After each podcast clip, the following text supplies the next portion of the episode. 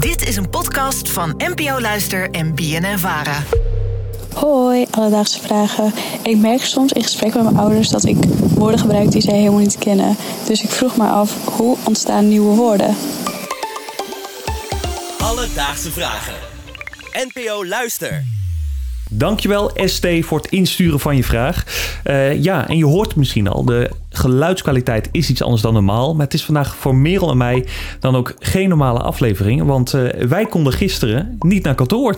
Nee, waar zal dat nou toch aan gelegen hebben, Aaron? Misschien een storm genaamd nou, Polly?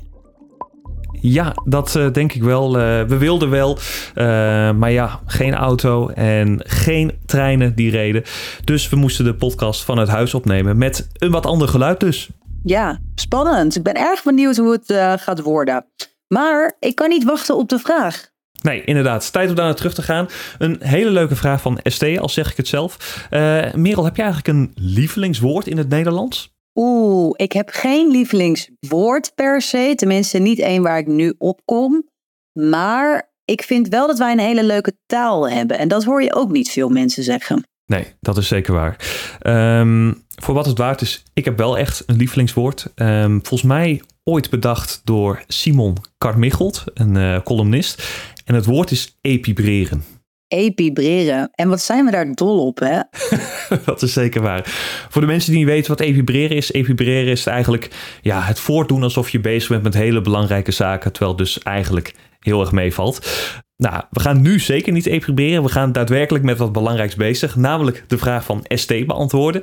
En voor een antwoord belden we met niemand minder dan Ton den Boon. Hij is hoofdredacteur van de Dikke van Dalen, het woordenboek.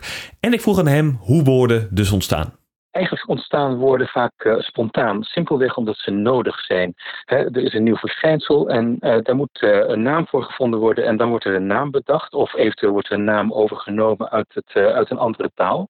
Als het verschijnsel internationaal is. Ja, dat zijn eigenlijk de redenen waarom woorden ontstaan.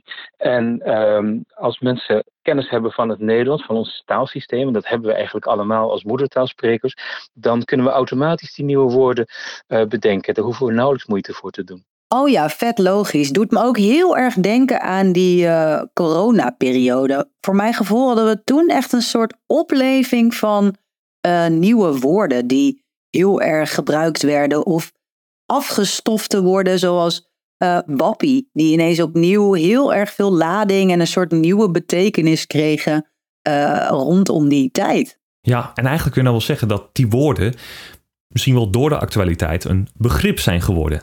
Zeer zeker. Sommige die kan je denk ik nooit meer niet koppelen aan uh, ja, zullen we maar denken.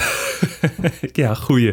Daarop voortbedurend. Ik vroeg aan Ton of elk woord dan ook evenveel kans heeft om uiteindelijk een begrip te worden. Nou, meestal zijn het uh, natuurlijk uh, journalisten en uh, redacteuren, de mensen die op de sociale media actief zijn, die bedenken allemaal nieuwe woorden. Eigenlijk doet iedereen het. Maar dat wil nog niet zeggen dat iedereen die een nieuw woord bedenkt ook de invloed heeft om dat woord algemeen gangbaar te laten worden. En dan ben je er toch eigenlijk op aangewezen dat je bijvoorbeeld voor een groot nieuwsmedium werkt. Want als je daar een woord in introduceert, is de kans groot dat andere mensen het overnemen. Ja, op zich logisch natuurlijk dat je in je eentje op je zolderkamer met je drie online vrienden niet het nieuwe woord de wereld inslingert. Dus dat je een platform nodig hebt. Ik moet meteen aan uh, Van Koten en de Bie denken. Twee echte oude makers, cabaret, ja, comedians, hoe moet je het noemen.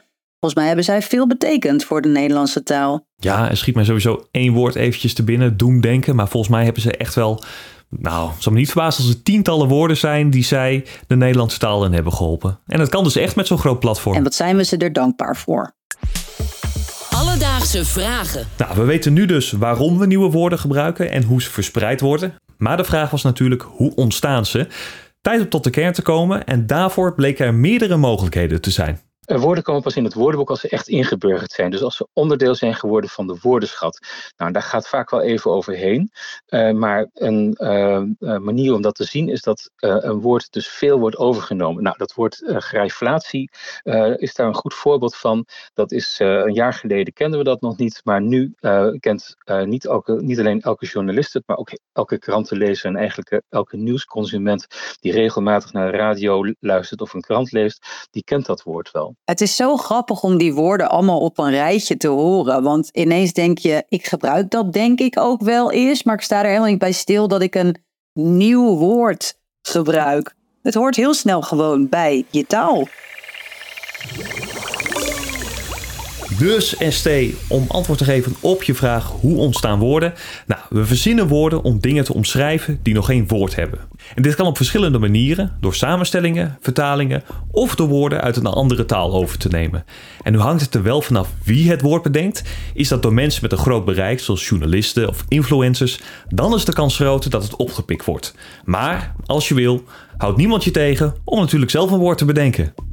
Heb jij ook nog een vraag? Stuur ons dan een berichtje op Instagram. Dat mag naar Alledaagse Vragen. Of je mag een mailtje sturen naar alledaagsvragen.bnnvara.nl en dan zoeken we het voor je uit. Alledaagse Vragen. NPO Luister. BNN Vara.